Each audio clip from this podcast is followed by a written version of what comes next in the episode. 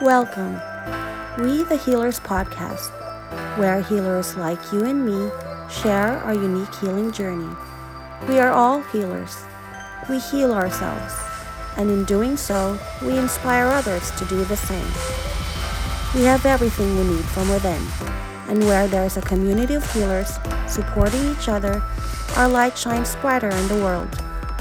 With Joanna Ray, she gathers the healers to create a bigger impact and channel healing for the collective through inspiring stories of source and self healing.